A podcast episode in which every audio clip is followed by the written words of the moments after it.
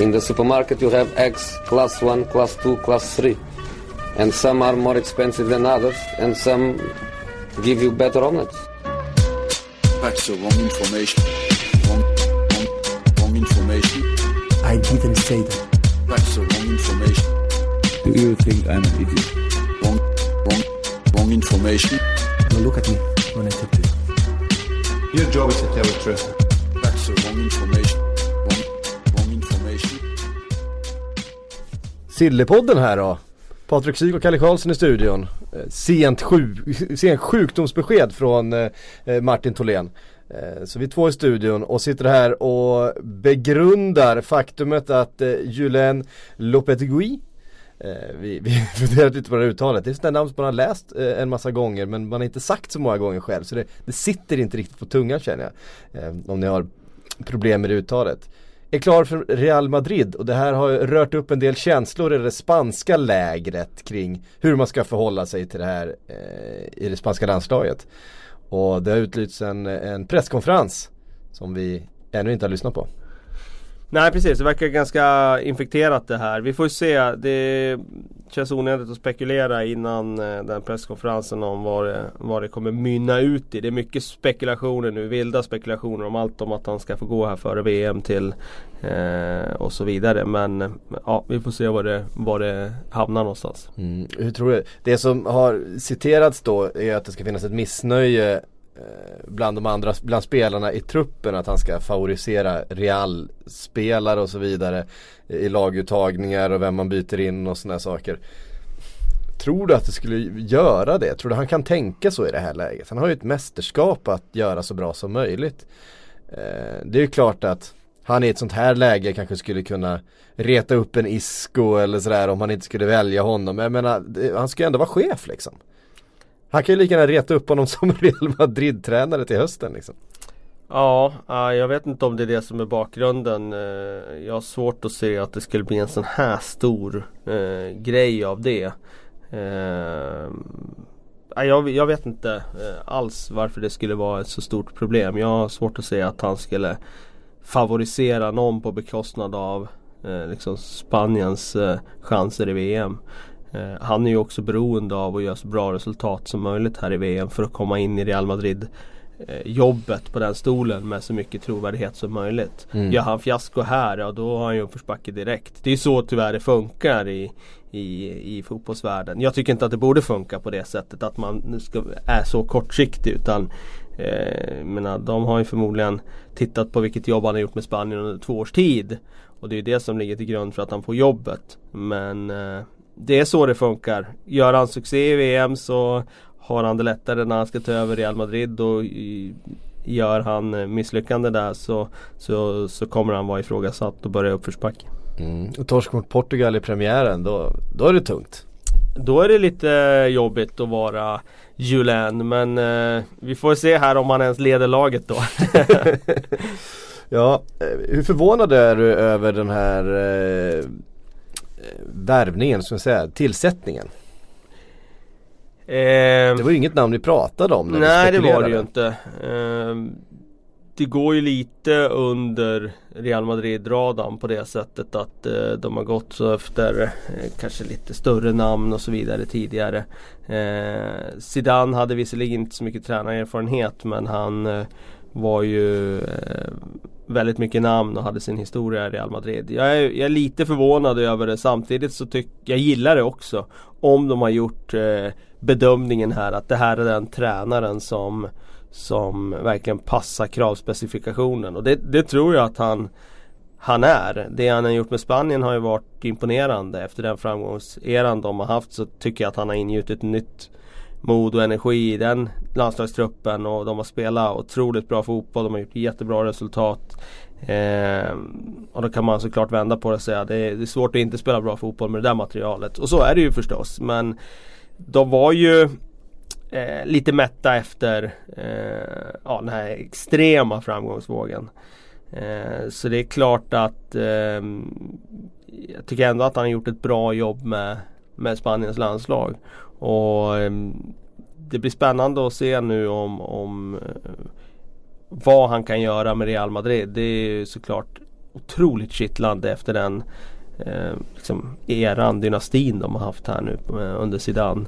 Eh, Man vill ju att Zidane aldrig ska träna ett lag igen. Att han ska, han ska ha gjort sitt nu. Det här är bara det han har gjort. Ja, det skulle vara så jäkla coolt av honom nu att bara kliva av, lägga sig i hängmattan och bara röka cigarr och liksom skicka ut en Instagram-bild i veckan när han sitter på någon söderhavsö och njuter av livet. Mm. Eh, då har han liksom avslutat sin spelarkarriär med eh, liksom utvis Dels chipstraffen i VM-finalen ribba in som är helt sjuk. Mm. Eh, och eh, den utvisningen och sen avsluta sin tränarkarriär liksom med att kliva efter tre raka Champions League-titlar. Det skulle vara så extremt eh, exceptionellt. Ja. Men eh, så han, tror jag är, inte han, att det är, blir. väl- han är väl på något sätt störst nu Zidane? Är det inte det? Det är ju lite sån här Be- Beckenbauer eh, size liksom. Alltså Ja. att man, man var en av världens bästa spelare. Jag skulle liksom vilja peta in honom bland en av de tio bästa spelarna i världen genom alla tider kanske. Ehm, och sen kommer man, tar klivet över till tränare och har den här extrema, gör någonting som ingen har gjort på så länge, alltså ta tre raka Champions League. Ja, det finns ju några, jag, jag tycker väl Johan Cruyff fortfarande är nummer ett på den punkten. Dels är han väl kanske topp fem till och med spelare genom tiderna.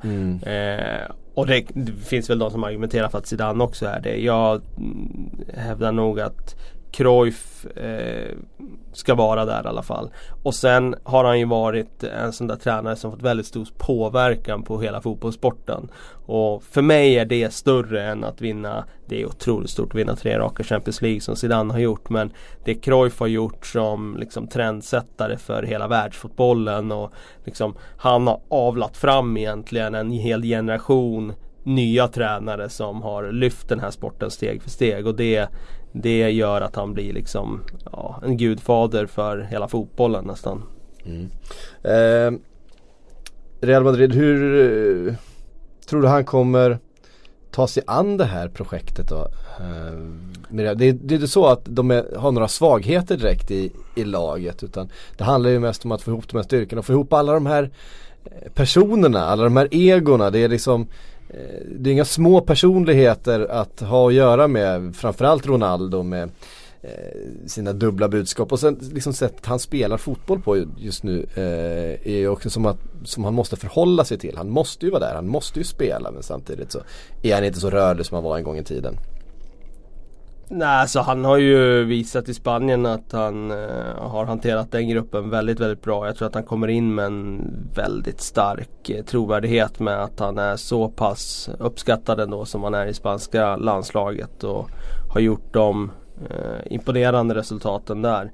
Eh, det som är lite sådär kittlande det är ju den där det är ju en så liten grej egentligen det här med att han Som har kommit ut nu de senaste dygnet här och att han Har sagt tidigare att Messi är den största spelaren genom tiderna och så vidare. Men man vet också att den där typen av små små saker kan bli så uppförstorade.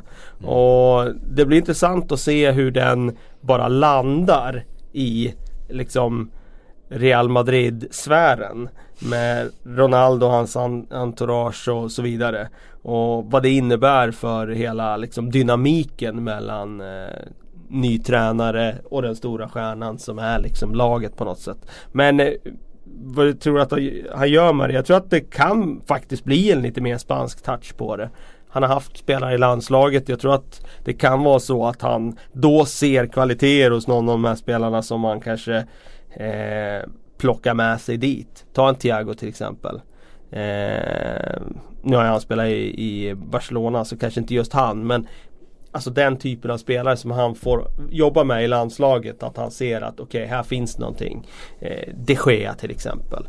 Eh, som han dessutom har en kontakt med eh, eftersom han har basat med hon, över honom i två år. Jag, jag kan se att han plockar någon spelare från det spanska landslaget med sig till Real Madrid. Eh, och eh, det kanske blir en lite mer spansk touch av det. Ehm, vi får se då och sen får vi invänta då beskeden från det spanska förbundet och hur de eh, kommer att hantera den här nyheten. Ehm, vidare till Atletico Madrid där eh, värvningen av Thomas Lemar nu är mer eller mindre bekräftad. Man har bekräftat att man har eh, någon slags förkontrakt, en överenskommelse Och att eh, det här är en, en eh, affär som vi bara väntar på ska bli verklighet. Eh, ryktas om 60 miljoner eh, euro ungefär för eh, den gode Lemar som ju var en av förra sommarens stora ryktesmän. Eh, nu klar för Atletico Madrid och det känns ju inte helt orimligt och frågan är hur eh, den här värvningen som kanske blir då Atletis största den här sommaren eh, kan man tänka sig vad, eh, hur den påverkar eh, laget och truppen. Får det till exempel en Grishman att stanna? Eller eh, är det här en ersättare till Grishman? Det är sådana saker. De spelar ju inte riktigt, det är, det är inte riktigt samma spelartyp och så vidare men det är klart att det är en, det är en stor stjärna in. Du har ju sagt att eller, Griezmann har beställt den här värvningen.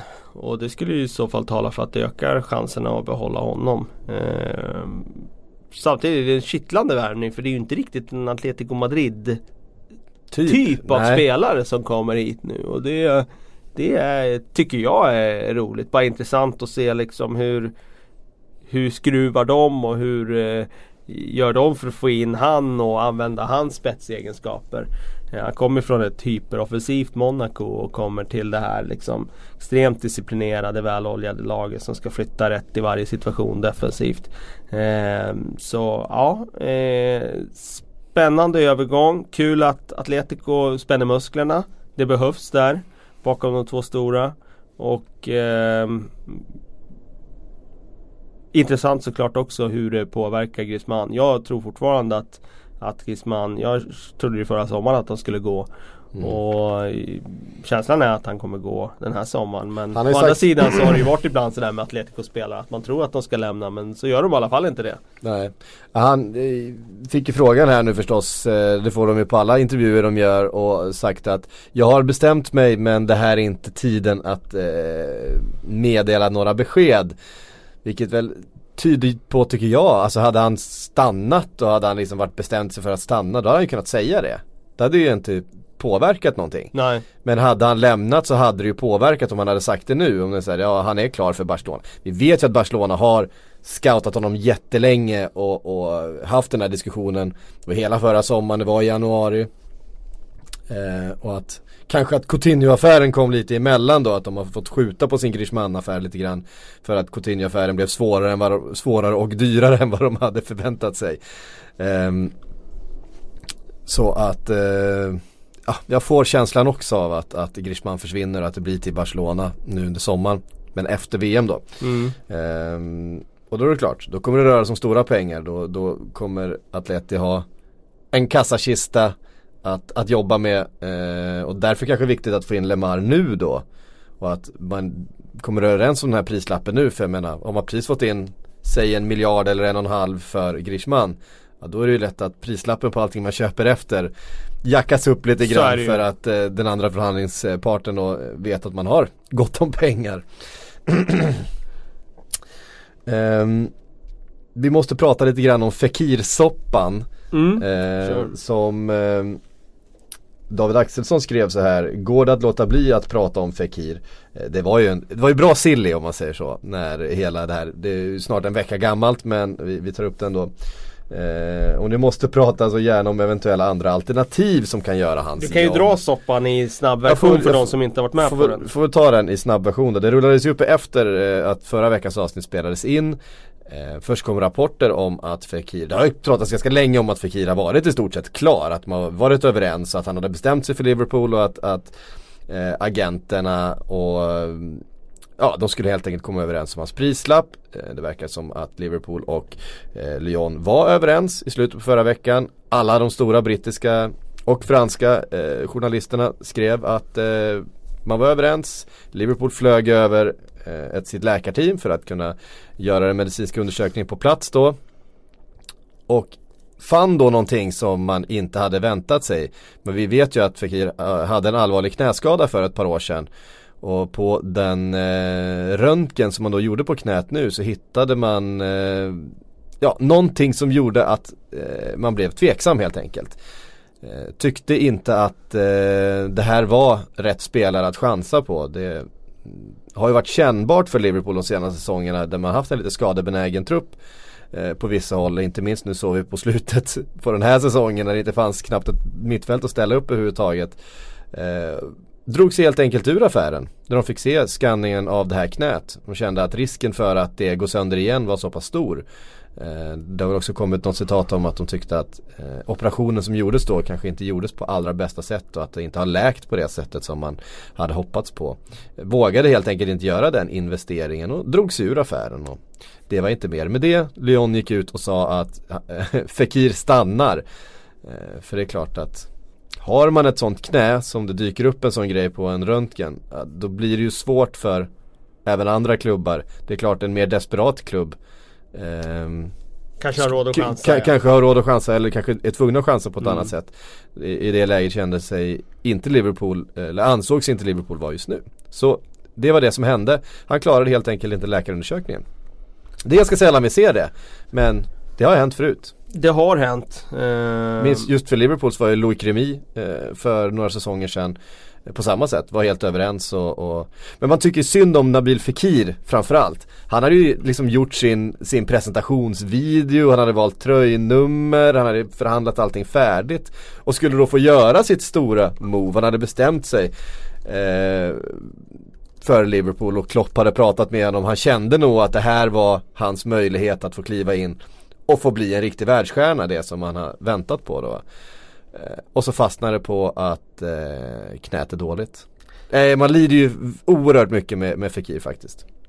Eh, verkligen. Jag måste bara dra en liten anekdot an- angående det här med att missa läkarundersökningen. Eh, Mm. Dembaba känner vi ju igen, en gammal fin forward från Premier League. Han... Jag, eh, jag känner inte igen det namnet alls. han eh, eh, gör succé i Bundesliga. Och eh, ska ju då gå till eh, vad, Vilken klubb är han ska gå till? Är det Stoke han ska gå till? Och eh, läkarna, han har en knäskada. Och läkarna säger att eh, han, han har dragits med den i slutet av säsongen. Eh, och så gör han ett mindre ingrepp. Men orden är från läkarna att han får absolut inte flyga. Det blir ju någon slags tryck du vet när man är uppe i luften antar jag. Så att eh, det ju påverka knät negativt. Men eh, det är ju ett litet problem här. Han och hans brorsor, han har ganska många liksom i det entouraget. Eh, han har ju lovat en semesterresa till Las Vegas. Så att eh, han eh, åker ju i alla fall till Las Vegas. Och ehm, och när han flyger hem igen så, så blir inte den här övergången eh, verklighet. Och det var till Stuttgart han skulle. var Han var i Hoff, Hoffenheim då Just ja. det. Just det. Eh, så det här knät har ju svullnat upp när han har flugit och så klarar han inte den medicinska undersökningen. Så ja, Vilket What, what klantarsel! happens in Vegas stannar inte alltid i Vegas utan det kan vara så att man kommer hem med ett svullet knä och så missar man sin drömövergång. Ja. Det var ju det då. Ja, eh, sen fick ju han en bra karriär i alla fall men som Absolut. sagt eh, Lyssna på läkaren, det är väl eh, rådet här. Eh, verkligen och eh, sen har det också rapporterats då att det som var Liverpool såg som det andra alternativet till Det här handlar ju om Coutinho-positionen där, eh, där Klopp verkar se att det finns, eller det, man ser att det finns ett behov fortfarande eh, Egentligen att spela som Istället för att spela mer som de har gjort under den här säsongen 4-1-2-3 Spela en mer 4-2-1-3 Alltså med Ja, en tia bakom eh, fronttrion lite grann som Coutinho gjorde då och då kunna ha tvåvägs längre bak där Naby Keita ska vara en då och Fa-. Fabinho Som är spelare som är ganska väl anpassade för den de, rollen De rollerna ja. Även Wijnaldum och, och Henderson är, är egentligen mer anpassade kanske för att spela mer tvåvägs än, än i den där sittande eh, rollen. Ehm, då, Den man hade identifierat som ett alternativ var ju då Lanzini från West Ham Som för en vecka sedan drog korsbandet i, i träningen eh, med Argentina då inför VM Och kommer ju missa nästan hela nästa säsong för West Ham. Så att eh, Ja, han, han är inte direkt upplagd för en läkarundersökning heller just nu Om man säger så. Nej. eh, Så att, ja, det var lite tungt. Och det är också spelare man tycker oerhört synd om. Han har ju faktiskt haft chans att spela lite för, för Argentina i det här mästerskapet Ja och dessutom en sån här spelare som Han har ju en stor flytt i sig om han gör ett Ja. jättebra VM och det hade han kunnat gö- göra Han har ju en Han- högsta nivå Ja, det som är tillräckligt hög Precis, för att få en, en flytt liksom till en stor klubb och eh, det är klart att man lider med honom. Men apropå där Fekir och det du snackar om där Mm. mittfälts eh, liksom eh, bygget där så det känns väldigt, väldigt, tycker jag, bra i teorin med Liverpools förändring där. För jag tycker att de har blivit lite kanske svaga i eh, det defensiva spelet när Jordan Henderson ska lösa det där själv. Och eh, som ensam defensiv mittfältare. Att vända på den triangeln, få en tia istället för mål, det kommer de göra ändå. Det är jag helt övertygad om att de gör. Eh, och får de in två spelare som ger lite extra skydd till backlinjen så tror jag att eh, det, är, eh, det är spännande för Liverpools del. Mm. Ehm, ja, det, man ska komma ihåg att, att, De att kommer ju hitta en annan tia såklart. Ja precis och då är det frågan vad, vad finns det för alternativ då? Nu hade man ju gått så hårt in på Fekir och verkligen sett honom som eh, den här ersättaren till Coutinho. Eh, ser du några spelare ute i Europa som, som skulle kunna gå in på den positionen? Eh, det finns ganska, det här, det här brukar man ju säga är en position där det ofta finns ganska mycket spelare eh, som, som kan ta klivet uppåt. Vi har sett, ja, det finns ju en, en brasse i vartannat lag ute i, i Östeuropa till exempel som ofta har den här eh, positionen i sina lag men Frågan är vart, vart eh, de ska vända blickarna nu. Ja, det, den är lite lurig för de, de måste behöver också sikta, väldigt, väldigt hög kvalitet. Ja, de måste sikta högt. Det var det jag tänkte komma till. Alltså det är ju de måste ju hitta en spelare som är världsklass eller som kan bli världsklass inom ganska kort tid. För det är det, liksom, det är den pusselbiten de ska få in för att ta nästa steg. Eh, det går ju inte längre att liksom Inget ont om honom men förstår vad jag menar. Det går ju inte att lägga sig på den här nivån som Liverpool har gjort tidigare och köpa eh, Akilani figur eller Danny Ings eller liksom något sånt där. Utan nu är det ju verkligen spets spets som ska in. Och det jag ser ingen sådär på marknaden tillgänglig som bara ploppar upp och som är realistisk samtidigt. Och att klubben som har honom ska vilja sälja och så vidare. Mm. Så ja, jag kommer inte på någon just nu. Har du någon sådär, något namn som du drömmer om? Som samtidigt är realistiskt? Ja, inte direkt om jag ska vara riktigt ärlig. Eh, det finns ju såklart liksom Insigne eller eh, Mm. något sånt där. Men hur realistiskt är det för Liverpool att få loss? Det blir dyrt liksom. Eh, så att, nej jag vet inte. Eh, ingen, ingen på rak arm. Jag hade gärna sett Lanzini faktiskt. Jag hade tyckt att det var en, eh, hade varit en spännande värvning. Han hade inte kostat lika mycket pengar heller. Eh, men, men säkert kunnat göra ett bra jobb. Och det är ingen av de här eh, kanonerna från akademin som kommer upp och är någon ny Raheem Sterling eller så? Ja, Inte vad man kan se just nu. Det har ju funnits eh, liksom Ben Woodburn som Mm. man trodde mycket på. Har ju inte riktigt fått den. Han spelar ju liksom i, i, i en sån eh, position, en sån roll. Ehm, men, men han är inte redo för, för att kliva in och axla, axla den. Nej, eh, Nej jag menar inte att de skulle in och ta starttröjan direkt. Jag tänkte bara om det fanns något utvecklingsbart som, som man kan se inom ett par år som kan, kan Ja. bli något. Vi har ju sett en, en Harry Wilson till exempel i, som varit på lån i, i Hall. Jagas utav flera Premier League-klubbar då va. Eh, är väl 20 år gammal nu tror jag. Men jag menar, nej in, ingen som är riktigt finns ingen så här Jadon Sancho eh, i den åldern som är liksom redo om man ser en, en riktigt hög eh, högsta nivå på just nu. Det tycker jag inte. Um, Moussa Dembélé på tal om högsta nivå. Eh, Spurs mittfälts S har ett år kvar på kontraktet. Eh, ser inte ut att förlänga det här. Han verkar inte, enligt vissa rapporter i alla fall, ingå i, kon- eller i, Conte säger i Pochettinos långsiktiga Spurs-satsning. Eh, han fyller som sagt 31 nu i sommar. Eh, inte den, den snabbaste killen kanske, men jagas nu utav flera italienska storklubbar. Juventus, eh, Inter och Napoli sägs allihop eh, då vara sugna på att lägga ett bud på belgaren som eh, väl inte startade i måndags för Belgien va?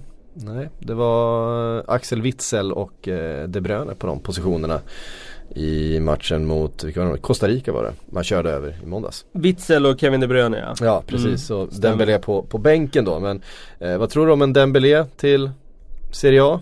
Eh, ja så den som får Moussa Dembélé gör ju en, får ju in ett jäkla bra tillskott. Ja, oavsett vilken klubb det är. Visst han börjar bli lite till åren nu. Skulle tro att han är Ja, han är 31, eller han fyller Ja. 31 i juli. Ja är det så? Mm. Okej. Ehm, men jag tror att han har eh, dimensioner som skulle vara väldigt, väldigt intressanta i Serie A. Med sin fart med bollen och liksom hålla i den och den styrkan han har. Jag tror att den, den eh, dimensionen i ett Inter till exempel skulle ju vara super super intressant. Alltså, De, har ju, de har ju verkligen behövt den, den rollen alltså. Ja, exakt och eh, Jag tror att eh, Inter har gjort många eh, värvningar senaste åren och det, man kan sätta ett frågetecken kring många men eh, Skulle de få in Moussa Dembele så tror jag att det är en sån där pjäs som verkligen kommer ge nytta där och som de kan Liksom verkligen bli ett fundament i det laget. Mm. Vi får väl se här då fall, fall Pochettino väljer att och casha in lite grann då på, på eh, Dembélés kontrakt eller om man hittar ett nytt. De har ju inte hittat något, någon förlängning än så länge. Eh, och ehm, eh, eller fall han helt enkelt spelar ut sitt kontrakt över, över nästa säsong då och hittar ett, en stor eh, Vad säger man? En stor vad he- vad heter det när man går eh, Casha in som ja. Bosman. Free cash, transfer. ca- casha in ja, precis. Men vad kallas det? Man får en sign-on. Sign. En stor sign-on nästa sommar. Eh, var ordet jag letade efter. Har du fått någon sign-on någon gång Sik? Har aldrig fått en sign-on. Det är bedrövligt. Eh, Det är dåligt med sign-oner i, i eh, journalist eh, silly. Ja. Det då ska man, väl, ändå ska man väl vara frilans va?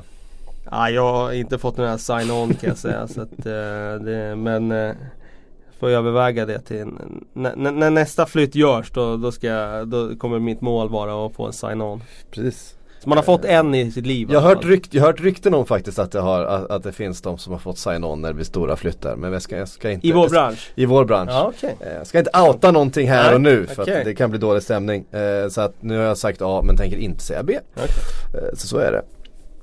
Lucas Torreira från Sampdoria till Arsenal. Ja. Eh, Kan han vara mittfältaren som Arsenal har letat så länge efter och chansat på så många namn inte riktigt fått till?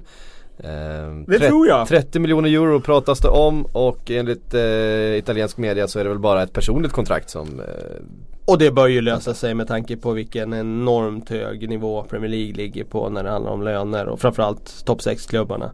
Eh, så det ska inte vara några problem. Så det kan vi nog räkna in. Eh, jag tror mycket väl att det här kan vara en eh, utmärkt värvning för Arsenal. Det är ju en jätte, jätteduktig bollvinnare. En sån där energispelare som ska jag säga lite den här Uruguay-skolan. De har ju mycket av den här grintan. Eh, den här eh, liksom inställningen. Eh, hårda i närkamperna. Man tänker på det Uruguay som vann Sydafrik- eh, Sydamerikanska mästerskapen där. Eh, så var ju de ett extremt tufft och fysiskt lag. Med sådana spelare som Gargano och sådana på mitten som knappast la fin- fingrarna emellan. Eh, jag tycker det här är en rörlig bollvinnartyp.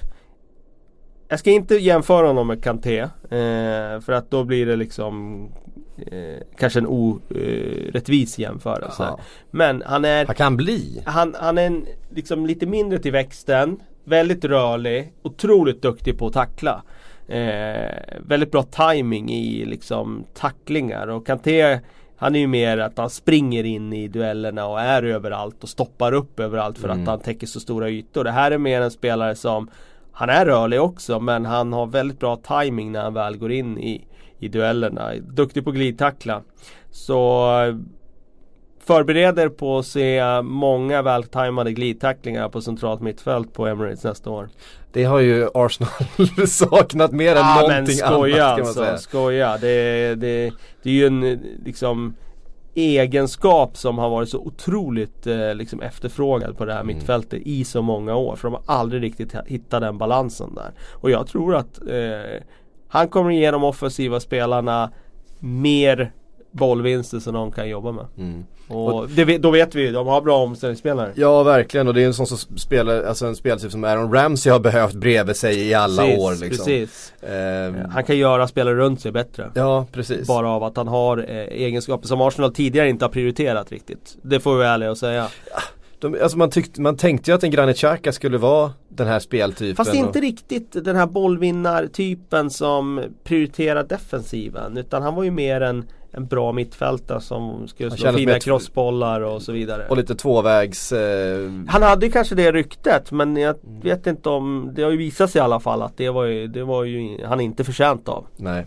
Men det här, det här känns som en sån här spelare som Som verkligen eh, ah, kan ge Arsenal balans.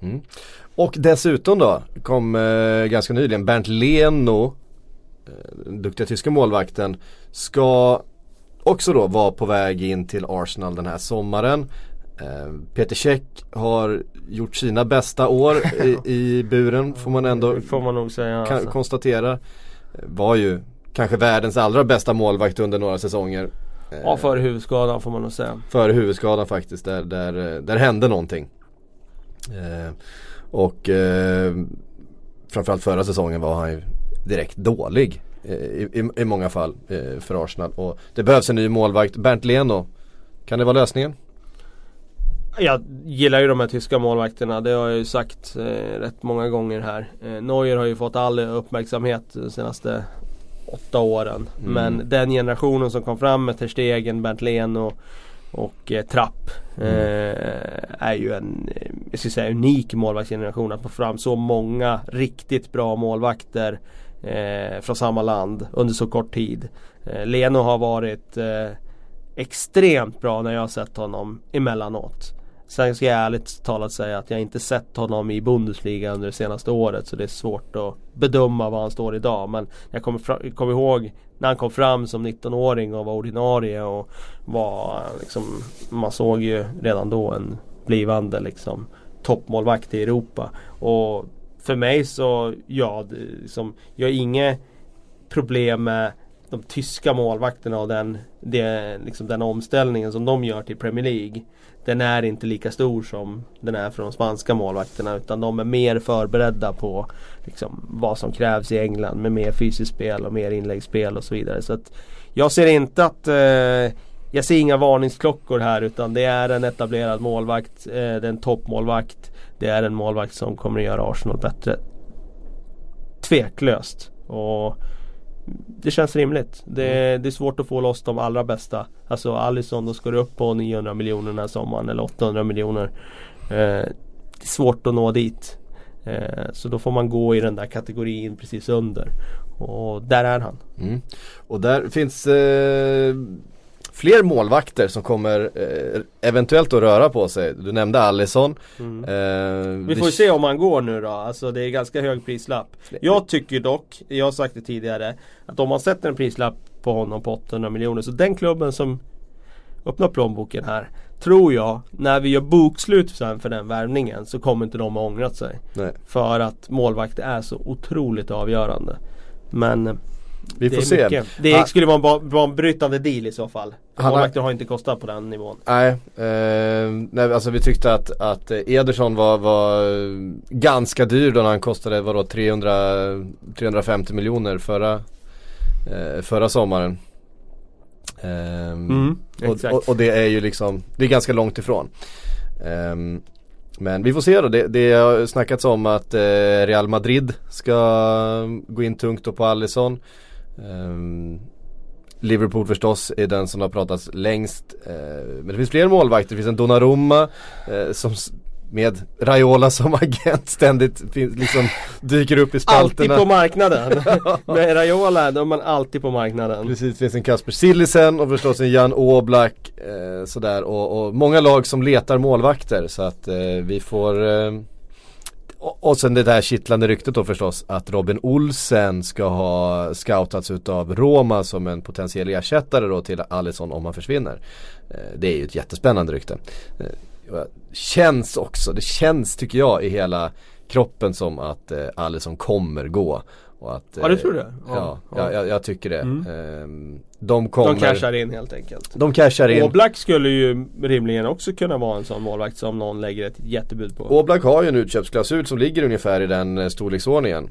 Eh, Så där handlar det ju mest om att övertala honom själv. Men kan Eftersom- det vara så här då att ehm, Real Madrid nyper de Gea nu när de får ny tränare som uppenbarligen verkar ha en bra relation till de Gea.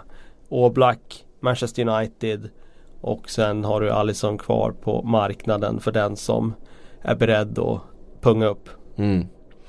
Eh, Även Courtois har ju varit lite vag om sin framtid. Ehm, får se vart han tar vägen. Eh, Donnarumma som sagt. Eh, ja, det, är, det finns ganska mycket målvakter men det är också målvakter som då ska ersättas om eh, de försvinner. Alltså, om Courtois lämnar Chelsea då ska de ju uppenbarligen ha in en världsklassmålvakt på den positionen. Om de Gea lämnar Manchester United, ja då kommer inte de De kommer de kommer inte värva något av det billigaste. Eh, utan de värvar från den, den högsta hyllan. Eh, så är det ju, då är det ju Oblak eller Alisson som, som ska in där. Känns, känner jag det som. Men vi får se, vi får se, vi får se. Eh, Mark Hamsik har också varit lite tvetydig om sin framtid. Det ryktas om Kina-flytt. Och nu kom rykten om att Real Betis då Fabian Ruiz eh, ses som hans ersättare i Napoli. Eh, känns som Känns lite trist när en sån spelare men det är klart att Marek Hamsik har gjort många säsonger i Napoli nu. Jag vet inte hur mycket han själv känner att han har att ge. Eh, Hakar han på Sarri ut eller vad? Ja precis och, och Beroende på vad Sarri går. Jag tror att eh, det, det, dels har det snackats om en flytt till Chelsea. Om, Ja, det om vet jag, det vet jag. ha- Hamnar i, i, Chelsea men det har framförallt då pratats om Kina Ja, för, okej. för Hamsik. Det kan vara lite trist i och för sig. Ja. Man gärna sätta han i en annan liga och i så fall då. Om man ändå ska byta. Ja om man ändå ska byta men det är också sådär han har en ganska lång karriär bakom sig. Kanske också vill casha in då. Eh, frågan är om eh, Fabian Ruiz då från Real Betis är, är ersättaren som de har eh, scoutat. Eh, eh, eh klart är det med Justin Klövert till eh, Roma. Eh, Klövert som inte kom överens med Ajax på slutet. Vi har pratat lite grann om hans eh, bråk där. Och eh, har då helt enkelt bestämt sig för att flytta. De kom inte överens om något nytt kontrakt och då valde Ajax att casha in. Eh, och Justin Kluivert, vad är han? 18 år gammal eller sånt där va? Ja, kan stämma. 19 kanske. Eh, till Roma och det är ju en jättespännande spelare för, för framtiden. Inte sådär... Eh, in, in, Han är 19. In, han är 19. Fyllde för en månad sedan. Ingen riktig kopia utav, eh, utav farsan ändå. En lite annan spelartyp Ja. än, än Patrik Kluivert. Eh, som vi ju, vi ju minns. Eh, han var ju fantastisk på 90-talet. I, i, inte minst i landslaget i, i för Holland då. Men eh, eh, vad tror vi om Justin Kluivert? Är det en framtida superstjärna? Kan han bli lika bra som farsan? Jag har faktiskt sett honom alldeles för lite för att bedöma. Eh, jag kollar inte alls på holländsk fotboll längre. Nej, man ser ju när det dyker upp mål och, och highlights och såna här Ja saker. precis och det, jag, eh, det är klart man kan bedöma på det men jag, helst vill man ju se dem i match. Jag, jag har inte sett dem. Eh, Holland får man säga, det är en sån här liga som går väldigt mycket under radarn för mig nu. Mm. Det gjorde den ju inte på samma sätt för 6-7 år sedan. Nej. Då kunde man ju kolla på Ajax när det var toppmöte mot eh, Mot PSV. PSV en tidig söndag. Det var ofta avspark tidigt på Och, och söndagar. det var alltid liksom så här fyra svenskar i Heerenveen som man ville titta på. och Dessutom ja. Eh, AZ när de var heta. Ja Men eh, de där ser man ju aldrig längre så att det- jag, jag vet inte men eftersom det är så många klubbar som verkligen är och rycker i honom innan han blir kvar, klar för Roma så det måste ju verkligen finnas någonting där och med den stamtavlan så eh, är klart att eh, det blir extra kittlande. Eh, det man har sett så känns det ju, ja de här highlightsen då när han eh, rycker ifrån och, och gör mål så känns det som att det, det finns någonting eh, som kan utvecklas till något riktigt, riktigt bra. Mm. Um, Verratti. Mm. Var ska han ta vägen? Ja, det verkar som att Thomas Tuchel har haft ett möte med honom och sagt till honom att han får komma i form. Gå ner i vikt och komma i form. Och det, det, det känns väl kanske som ehm, ehm, Är Verratti sugen på den typen av eh, liksom order nu när det kommer en ny tränare? Eller tar han sitt pick och pack och, och med Raiola och drar? Mm. Eh, jag antar att Raiola jobbar ganska hårt för att placera honom både här och där nu. Och är det inte Raiola-mässigt nu och, och försöka flytta på honom? Det känns som det. Jag tror att han kan flytta i sommar bara för att det är den agenten och för att Det är ju en, det är en Raiola- agent man har för att man vill flytta. Ja precis och Raiola ska ju ha sitt. Eh, det vet vi ju. Eh, och jag menar då känns det väl rimligt att, eh, att, eh, att eh, han flyttar på dem nu. Ja. Ehm, och där, vi har ju varit inne på det så många gånger. Man älskar ju den episoden när, när eh, eh, Mkhitaryan bytte agent när han var i Shakhtar och han hade svårt att komma loss. Då bytte han till Mino Raiola eh, som omedelbart plockade honom från försäsongen. Han, plötsligt var han spårlöst försvunnen. Han bara, nej du ska inte vara där. och, och, och några, eh, några veckor senare var han klar för Dortmund. Ja. Eh, så, så kan det gå. Han har, han har eh, en eh, action plan för en spelare om han vill Vissa lämna. agenter har ju ohälsosam makt över transfermarknaden och Raiola är ju en av dem. Eh, Ja, vi vet ju vilka de andra är. Liksom. Det, det är eh, Mendes och det är Raiola som styr mycket. Mm. Vi kan väl ta den då. Vi, vi eh, när vi är inne på agenter. Att Raúl Jiménez nu från, från Benfica eh, duktig mittfältare nu klar för Wolverhampton som ju inte alls har några kontakter med, eh, med Jorge Mendes. Eh, med Jorge Mendes kan man säga till och med.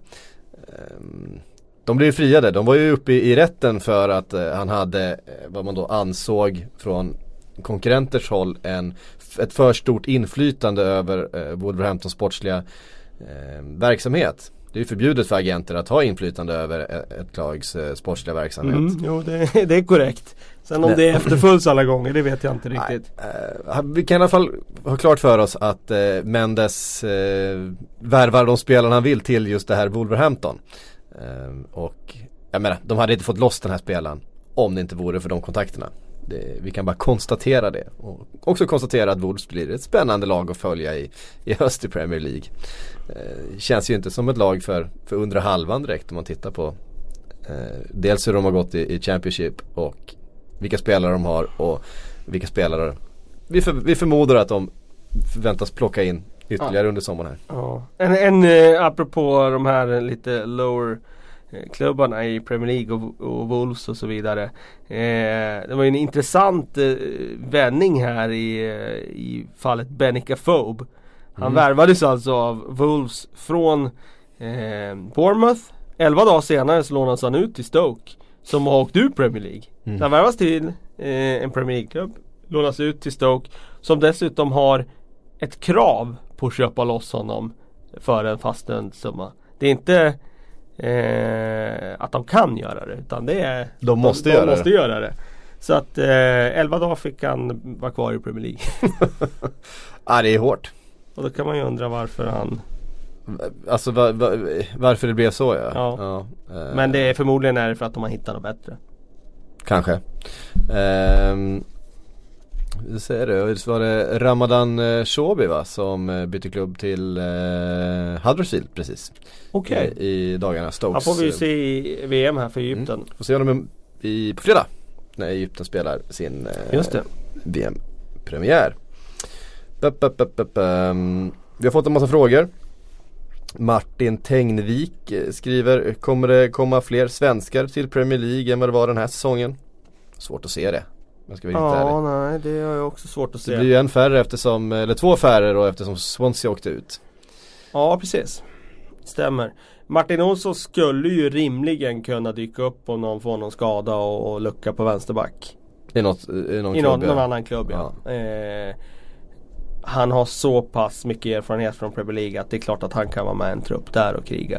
Eh, Mm. Jag vet inte vad Cardiff till exempel har på eh, det är Lite känsligt att gå från Swansea till Cardiff i och Ja, för sig, det, men, han, den är lite känslig. men han får ju bo kvar i Wales ja, jo. Om man nu vill det. Om han nu vill det Eh. Jag tror jag hellre hade bott i Cardiff än i Swansea Ja, faktiskt jag har inte varit i någon av städerna så att, eh, ryktet, ryktet säger att, eh, att Cardiff, eh, Swansea är ju ingen höjdare Ryktet säger att Cardiff är, lite trevligare Ja okej ja. eh, På tal om På tal om Swansea så uttalas ju Graham Potter här och som, som Just eh, ny Swansea-tränare nu då så Mm. konstaterar han att Fabianski eh, Alfie Mawson och Andrea Yu de kan, de kan flytta om Mm. priset är det rätta. mm. Och det är väl egentligen Det är väl eh, Det innebär väl att de kommer att flytta skulle jag tro. Mm. Eh, Då kanske vi får Nordfeldt som eh, första keeper Ja man vet aldrig. Man vet aldrig. Känns som att han är tillräckligt Jag bra för att vara första, super- första, första keeper i Championship Superspännande med Graham där alltså. Ja. Det verkar som att han har liksom Nu vet ju jag att eller ni vet ju att jag inte är så här superfan av just det där bedöma på vad tränare säger på presskonferenser men eh, Men eh, Det känns som att eh, Han har förstått rollen som han har nu i Swansea. Det är inte bara att vinna matcher utan först och främst handlar det om att gå tillbaka till vad är Swansea för någonting? Vad är, vilka är de och vad står de för? Och vad, vilka vill de vara? Och vad vill, hur vill de uppfattas? Så um, jag tror att det, det kan bli riktigt bra där tror jag. Mm. Fått en fråga från eh, El Jocko. Han vill att vi ska prata Spurs och det händer ju en del grejer där. Eh, vi var inne på Moussa Dembélé innan, eh, vara eller inte vara. Eh, Alder Feirel, den till spelare. Jag får rätta mig själv lite grann där jag sa att han skulle gå på free transfer men det är att han har ett kontrakt som löper ut nästa sommar så att de ska ju, och har inte förlängt det helt enkelt så att de ska Ja, casha in. Ja, två, två till och med var Ja. nu har jag fel igen. Eh, Martial har det ryktats om in. Ja. Eh, jättespännande. Jack Grealish har det pratats mycket om i, Mm. i veckan och 40 miljoner Ja, för Jack låter- Grealish. Ja det låter mycket. Han var ju Alltså, det, är, det är ju en duktig fotbollsspelare som kan dribbla liksom en back. Va? När han kom fram och var 19 bast där och egen produkt och eh, hade sin historia med vad var det farfar som hade spelat för klubben tidigare och så vidare så var det ju en Det var en bra story. Mm. Eh, det var en riktigt talangfull spelare. Eh, han gjorde ju väldigt, väldigt eh, stora avtryck då när han kom fram men eh, Så mycket pengar idag för honom det känns mycket, ja. Man, Eh. det är ju svårt att bedöma, vad står han idag? Efter att ha harvat kvar där. Mm. Eh, men det är ju två stycken grejer som framförallt sticker ut tycker jag med Spurs så här långt. Och det är ju att ett, Pochettino förlängt sitt kontrakt. Två, Harry Kane har förlängt sitt kontrakt. Eh, och fått en rejäl löneökning vilket dels då visar på att Spurs är beredda att gå ifrån sin lönestruktur lite grann. Eh, beredda att, eh, de kommer ju inte vara på nivå där de kommer betala lika höga löner förstås som Manchesterklubbarna eller kanske ens Liverpool och Arsenal. Men man kommer i alla fall eh, ta ett ganska rejält kliv i riktningen mot att försöka täppa till lite utav det avståndet som finns. För det är ganska stort, stora löneskillnader mellan Spurs och de övriga topp 6. Så det måste man ändå ge eh, Daniel Levy och, Mauricio Pochettino att de har fått ihop ett så här bra lön, eller lag trots den lönestrukturen som de har haft som har legat så långt ifrån. Eh, exempelvis då Arsenal. Ehm, det, det är imponerande och, och att Harry Kane förlängde nu Såg du den presentationsvideon förresten? Nej, det har jag inte sett. Gjorde Jag, jag, jag söker inte upp aktivt de här presentationsvideorna utan den enda gången jag ser dem det är när ni frågar mig Har du sett de där presentationsvideorna? Eller att den bara dyker upp i mitt flöde så jag inte kommer undan ifrån Ja. den. Att det Eh. är sån här autostart så den bara startar. Jag skulle aldrig trycka på play och kolla. Nej det var bilder från den nya arenan då Och den tweeten då som de la ut, den presenterades som Här är bilder från den nya arenan New, New Grounds och så var det då på på storbildsskärmen och så var det en bild på Harry Kane och så stod han där och sen så avslutningsbilden så står han där och så skriver han på nytt kontrakt.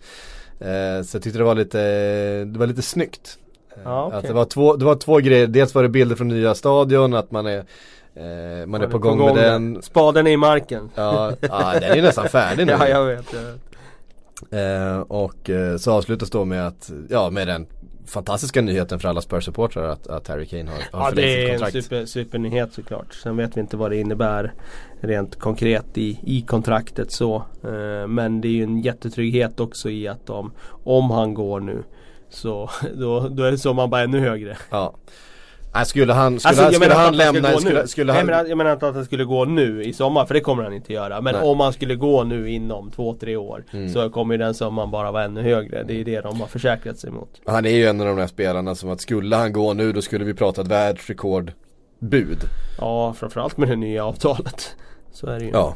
Ehm, och det är ju alltid tryggt på något sätt. Vi ser ju, eh, alltså man kommer ihåg när, när eh, Alex Ferguson sålde Ronaldo till exempel vad som var ett, ett ganska rejält världsrekord på den tiden. Hur han byggde ett helt lag med de där pengarna. Eh, som vann, fortsatte vinna titlar. Eh, vi ser vad Jürgen Klopp gör med Coutinho-pengarna nu och pengar som han har fått in. Eh, värvar ganska, värvar ihop ett bra lag. Så att, eh, det betyder en del att, att ha spelare också som man Om de skulle försvinna, det går, att, det går att bygga lag med det om man har rätt manager på plats. Kevin undrar hur stort är kaoset i Chelsea just nu? Vem fan tar över som coach? Stannar Conte? Kommer de värva någon vettig spelare? Jag har jättesvårt att tro att Conte stannar. Även om det har dragit ut på tiden så är det väldigt svårt att tro det. Eh, med tanke på hur, hur infekterat det var där mellan tränare och klubbledning. Eh, så Alltså jag, jag tror och hoppas fortfarande på Sarri. Eh, sen vet jag att det har stött på patrull som det så fint heter. Man har blivit lite eh, liksom osäkra där på om hans eh, liksom profil eh, passar med klubben och så vidare. Spelmässigt och rent taktiskt och så, så, så tror jag att han kommer att ge Roman Abramovic den typen av fotboll som, som han alltid har drömt om. Mm. Men det har ju inte pratat så mycket. Jag vet inte, det har dött i, i ryktes, Nu har det eh, blivit helt tyst om det. ryktesfloran. Är det, är det positivt eller negativt? De kanske avvaktar första VM här och kollar vem som eh, blir succétränande i VM. Precis som eh, Som om det skulle vara liksom grundläggande för, för Men, rekryteringen. men har man inte lärt sig någonting utav det här? Visst, nu kom Conte in efter EM förra gången och gjorde succé direkt. Ja. Eh, men han är på något sätt undantaget som bekräftar regeln. Som van Gaal komma in efter VM för fyra år sedan till Manchester United och få tvingas panikvärva in eh, spelare som skulle skohornas in i ett nytt system.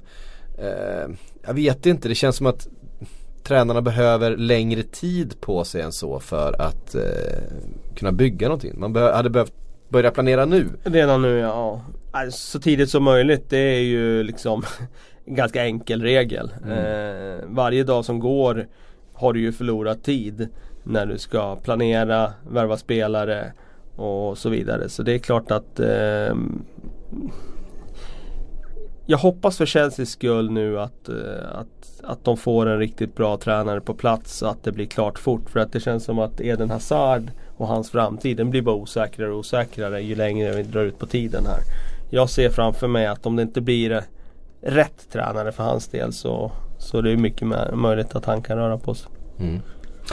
Ja, eh, mycket spännande. Det eh, mina damer och herrar var Sillypodden för den här veckan. Vi måste väl nästan nämna innan vi avslutar. Frans Brorsson, 18 miljoner till det, ja. Eh, jag hajade till när jag såg den summan. Eh, det var ganska mycket pengar. Det var mycket pengar för Frans Brorsson. Ja, det måste jag säga. Men Eh, eh, det är tydligen Rostov man ska förhandla med. Jag tror att det är en bra, bra part att förhandla med. Uppenbarligen. Har han eh, möjligheter att, att slå där då tror du? Ah, alltså, jag vet inte, jag har inte koll på eh, på Rostov så vad det är för konkurrens han kommer in i och sådär. Men om de har scoutat fram honom så finns det väl uppenbarligen något behov hos dem av en, en, den typen av mittback. Så att eh, vi får hoppas det. Jag tyckte det var mycket pengar i alla fall så hatten av till Daniel Andersson. För det är bra förhandlat, det får man ändå säga. Felix Beijmo 30 miljoner. Eh, för mig, Felix Beijmo i så fall, han ska kosta mer. I så fall. Jag hade kunnat sätta en stö- större summa där. Jag tror att Felix Beijmo är en spelare som Som i framtiden kostar, kommer kosta betydligt mer än 30 miljoner. Så jag hoppas att Djurgården kanske även har någon vidareförsäljningsklausul här. Ja, det, det, det lär tiden utvisa. Tack Kalle för att du kom hit, tack för att ni har lyssnat. Eh, VM-podden rullar vidare. Vi, eh, vi hörs på fredag igen, då ska vi försöka bara ta oss in i den här turneringen. Det ska bli väldigt spännande. Eh, ha det gott hörni. Trust, trust, trust in everything I say. To me, that's No ads, no hundred. For me, I quit.